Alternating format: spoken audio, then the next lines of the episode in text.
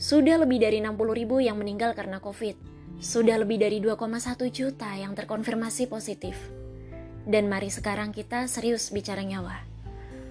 Mulailah dengan memisahkan COVID sebagai fakta sains dan COVID sebagai fakta politik ataupun bisnis. COVID sebagai virus harus kita akui, ia nyata berbahaya, bahkan bisa merenggut nyawa orang-orang tercinta.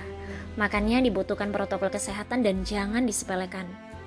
Sedang COVID sebagai fakta politik dan bisnis juga harus kita akui. Kita sama-sama tahu bahwa di awal-awal COVID banyak pemerintah yang menyepelekan. Lalu adanya ketidakadilan dari penegak hukum, sanksi pelanggaran prokes yang tidak berlaku bagi penguasa, ada lagi korupsi bansos COVID, korupsi alat tes, dan banyak banget yang bikin jengkel. Dan saya mengakui kedua fakta tersebut, fakta COVID sebagai pandemi dan fakta COVID sebagai ajang dagelan para politisi. Yang jadi soal, ketika kita tidak sejalan dengan pemerintah bukan berarti boleh menyepelekan protokol kesehatan. Kurangnya pemerintah dalam penanganan COVID bukan menjadi legitimasi kalau kita boleh menyepelekan pandemi. Saya peduli dan prokes dan menganjurkan vaksin, bukan berarti saya jadi jubir pemerintah dan bagian Illuminati. Justru kita sedang pro terhadap sains dan pro terhadap akal sehat dan mengikuti anjuran yang benar.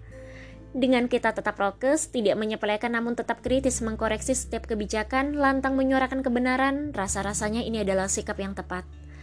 Soal COVID ini, saya kasihan teman-teman saya yang dokter dan para nakes setiap hari capek bukan main tapi dituduh agen WHO, bagian elit global yang menganggap vaksin itu ada chipnya, ada magnetnya, mengandung babi, namun tidak pernah peduli dan serius mendalami sains.